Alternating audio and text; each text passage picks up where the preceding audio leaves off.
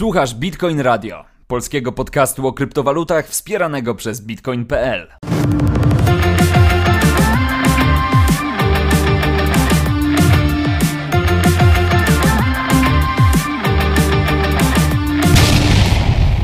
Dzień dobry, witam Was bardzo serdecznie. Zaczynamy kolejny odcinek Bitcoin Radio i tak, tak, tak doskonale wiem, co chcecie powiedzieć i o czym chcecie, żeby, żeby tutaj wspomnieć, więc wspomnę o tym od razu. Bitcoin przebił granicę 50 tysięcy dolarów.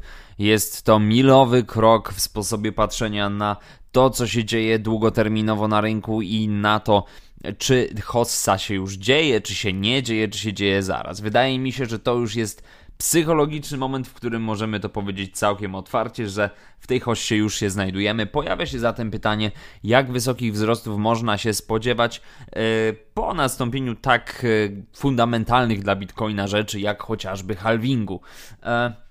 Cóż, to są oczywiście spekulacje. Są ludzie, którzy twierdzą, że już za jakiś czas zobaczymy 100 tysięcy dolarów. Są ludzie, którzy twierdzą, że już za jakiś czas zobaczymy 200 tysięcy dolarów. Nie mam bladego pojęcia, słuchajcie, wiadomo, że tego typu przewidywania, niezależnie z której strony się pojawiają, są y, pisane palcem po wodzie, a sytuacja może się drastycznie zmienić y, w zaledwie kilka chwil. Natomiast y, krótki przegląd sytuacji na rynku. Bitcoin w tym momencie 50 800 dolarów, w momencie chyba takim najbardziej wyskokowym przebijał nawet granicę 52 tysięcy. Jest to 7,5% wzrost w skali ostatniego tygodnia. Ether 10% do góry 2700, Binance Coin 350 dolarów kosztuje i jest to 8% wzrost. Solana 1% w dół 106 dolarów kosztuje. Był taki moment przez chwilę, że w rankingu kapitalizacji Solana faktycznie wyprzedziła Binance Coin i zajęła czwarte miejsce, jednak wszystko już wróciło do normy. XRP, czyli żyła złota dla wielu ludzi, 54 centy cały czas. Tutaj jakby w tym kursie nic się nie zmienia od bardzo długiego czasu. E, ósme miejsce Cardano 7% w górę, 57 centów kosztuje w tym momencie. Avax e, stoi w miejscu 38 dolarów za sztukę. Dziesiąte miejsce Tron 13 centów, 9% do góry w ciągu tygodnia. Zepchnął Dogecoina, który nadal kosztuje 8 centów i znajduje się na poziomie na miejscu, na pozycji 11 w tym momencie. Moi drodzy, kurs bitcoina przebijający 50 czy tam też 51 tysięcy dolarów to zdecydowanie jest spore wydarzenie. Mocno też jest skorelowane z tym, co dzieje się w Fear and Greed Index, ponieważ osiągamy teraz wa wartości czy wysokości, które już dawno nie były aż tak bardzo entuzjastyczne. 74 punkty oznacza to znowu, że wskaźnik pokazuje wartości związane z chciwością, moi drodzy, z chciwością. Pojawia się zatem pytanie, rośnie, ale dlaczego? Znajdziemy odpowiedź na to pytanie w artykule Jacka Walewskiego na bitcoin.pl.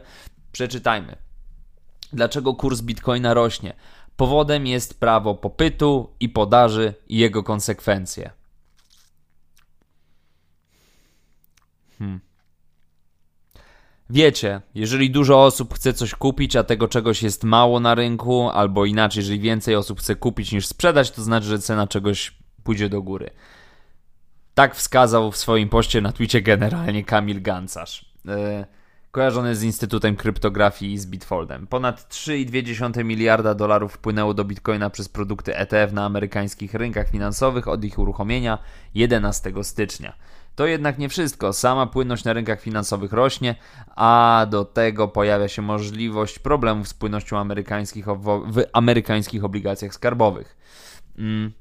I tutaj ciąg dalszy wypowiedzi Kamila Gancarza. Jako dowód należy odnieść się do drugiego wykresu, który pokazuje indeks panujących warunków płynności na amerykańskim rynku skarbowym, ilustrowany przez średni błąd rentowności na przestrzeni całego uniwersum obligacji może metaversum obligacji.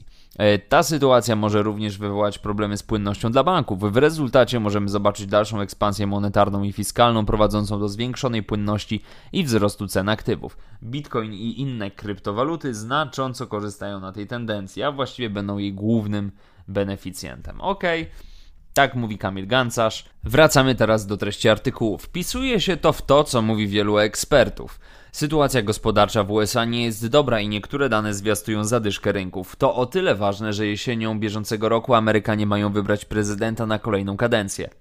Donald Trump, jak na razie faworyt tego wyścigu, już zapowiedział, że nie wybierze Jerome Powella, obecnego prezesa Fedu, na kolejną kadencję. Ten ostatni otrzymał więc sugestię, by wspierać w walce o władzę Joe Bidena.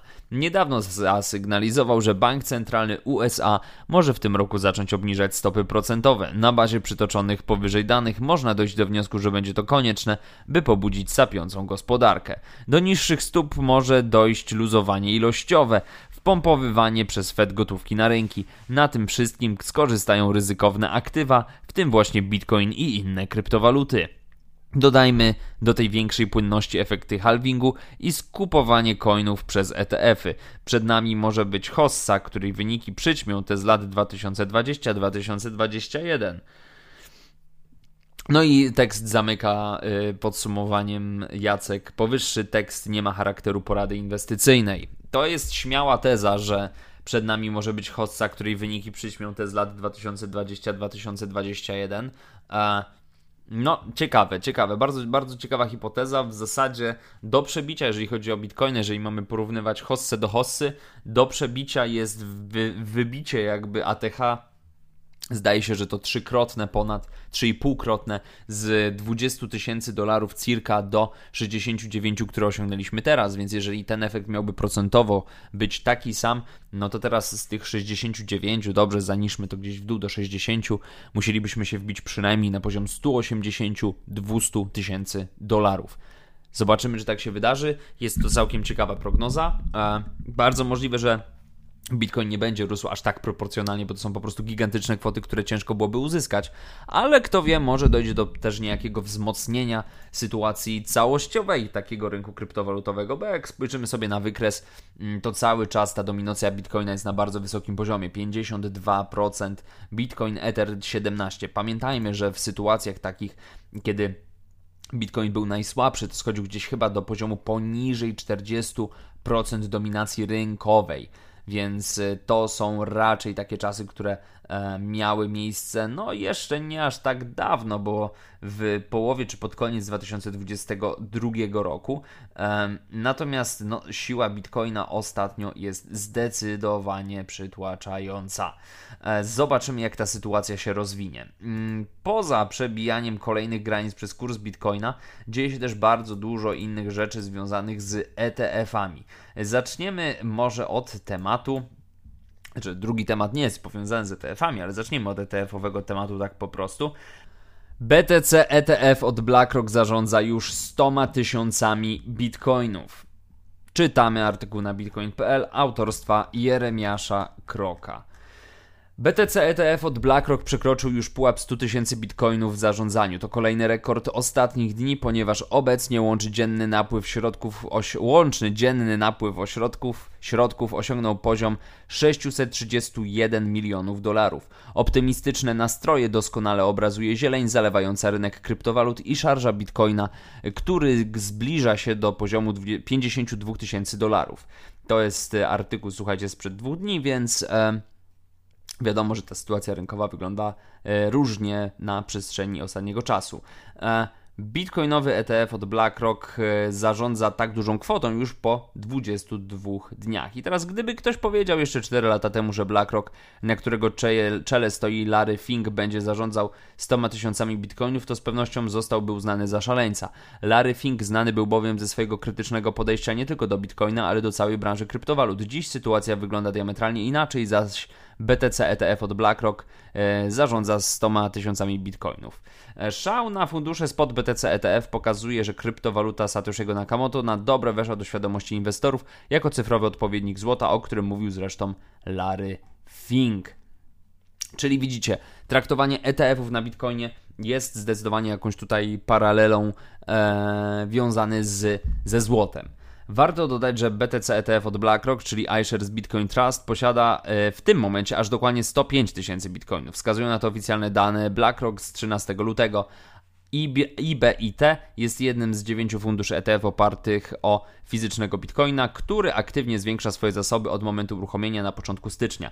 Do grupy tej należy także Fidelity Wise Origin Bitcoin Fund, który posiada 83 tysiące bitcoinów. E, więc jak widać, te 100 tysięcy bitcoinów to jest całkiem niezła suma, ale dotyczy tylko tego jednego funduszu, a e, jest tych funduszy znacznie, znacznie, znacznie więcej. Gdzieś widziałem taki bardzo fajny wykres, o którym sobie teraz przypomniałem, niestety nie jestem w stanie go znaleźć pokazywał, jak bardzo duża ilość e, bitcoinów jest w rękach retailowych, ile jaka w rękach ludzi dobrze zarabiających, czy posiadających po prostu dużo pieniędzy, tak zwanych crypto rich people, e, a, a ile posiadają instytucje. No i to jest bardzo ciekawe, bo mówimy jakby o, wiecie, jakiejś rewolucji, że bitcoin daje wolność i to z jednej strony oczywiście jest prawda, natomiast e, nie zmienia to faktu, że to w kierunku instytucji bitcoiny teraz przepływają. I pytanie, mm, kto, w tej, kto na tej, tej całej rozgrywce zarobi najwięcej.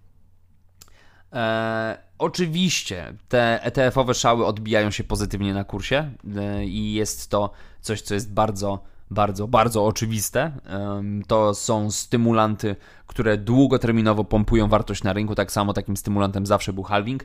Zobaczymy, jak to się przełoży na szeroko pojmowaną hossę, o której już rozmawiamy przecież oczywiście od jakiegoś tam czasu. Miejmy nadzieję, że będzie pozytywnie. E, tylko pamiętajcie też, żeby oczywiście inwestować z głową. Eee, teraz ciekawa opinia od Garego Genslera z Seku, który podkreśla, że e, czy podkreśla w ogóle jakby różnicę między bitcoinem a dolarem, więc e, jeżeli jesteście gdzieś w miarę, w miarę na świeżo z tym światem, czy w ogóle w tym świecie jesteście w miarę na świeżo, bardzo serdecznie Wam ten artykuł polecam eee, i oczywiście odsyłam do bitcoin.pl, natomiast fragmenty przeczytamy sobie już teraz, a dokładnie głowa, e, słowa e, Garego Genslera. Dolar amerykański, euro czy jen, całe społeczeństwo używa ich jako środka wymiany. Zarabiamy w dolarach, jenach lub euro. I masz do tego cały bank centralny i wsparcie dla jednej waluty dotyczącej całego regionu gospodarczego, czego tutaj w Bitcoinie nie ma. Istnieje więc bardzo realna różnica ekonomiczna. E, dodatkowo też yy, powiedział, że w zasadzie bank centralny nie jest aż tak bardzo zdecentralizowany.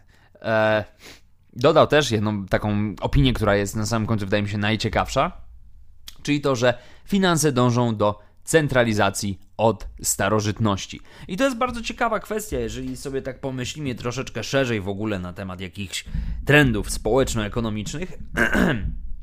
Dlatego, że to, co widzimy w ostatnim czasie, to jest, nie wiem, nie, nie wiem jak to nazwać, czy to jest jakaś późna globalizacja, ale czasy tego, kiedy dąży, dążono do tego, żeby mm, wszystkie jakieś takie potrzebne nam usługi scentralizować w ramach, nie mówię teraz o pieniądzach już oczywiście, scentralizować w ramach jakiegoś jednego ośrodka, mm, powoli zaczynają odchodzić do lamusa.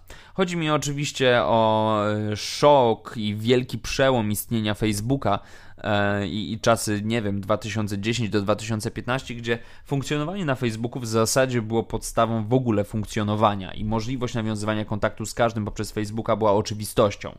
Generalnie wiadomo, że Facebook cały czas jest tym takim docelowym narzędziem do wymieniania, wymieniania się kontaktami, ale zwróćmy uwagę na to, jak bardzo struktura tych mediów społecznościowych, w których możemy utrzymywać z kimś kontakt, się zmienia i jak bardzo jest zróżnicowana międzypokoleniowo.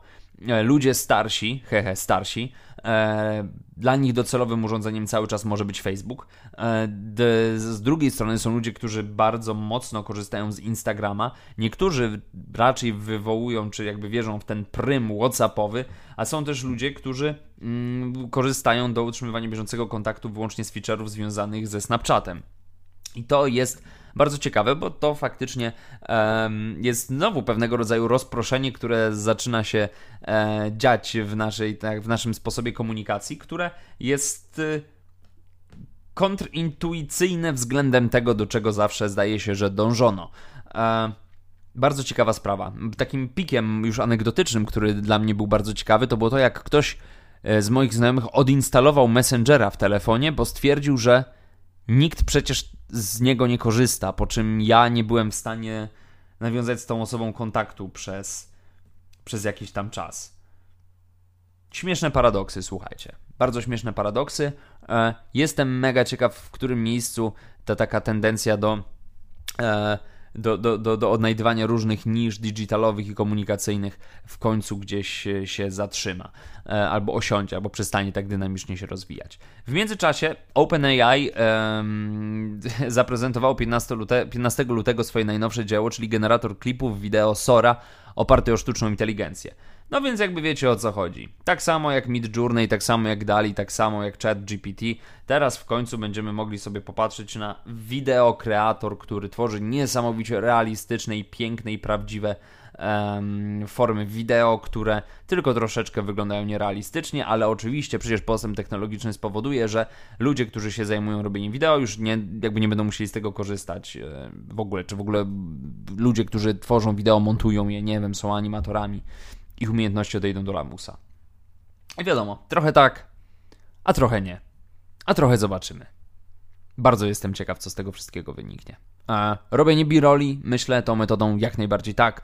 Zastępowanie aktorów i tworzenie czy generowanie narracji, pomysłów w taki sposób, w jaki się je tworzy, nie do końca. Dlaczego? Dlatego, że zwiększają się kompetencje, które przede wszystkim dotyczą kreatywnego myślenia, rozwiązywania problemów i efektywnej komunikacji.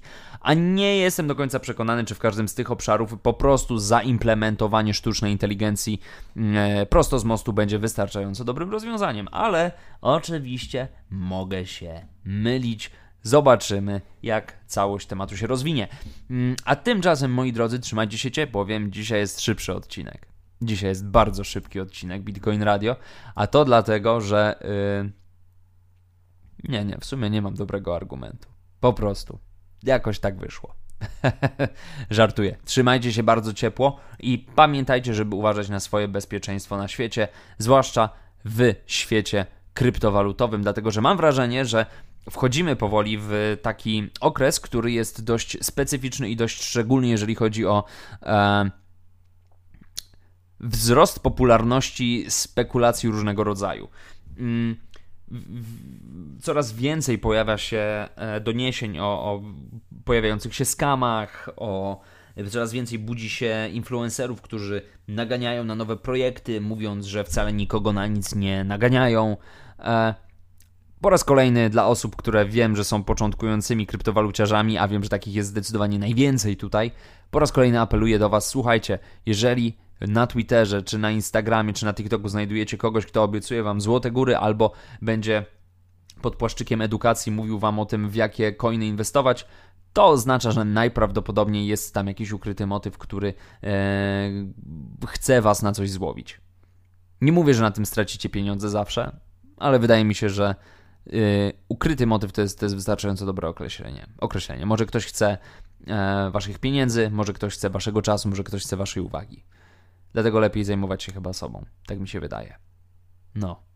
Trzymajcie się. Wszystkiego dobrego. Cześć.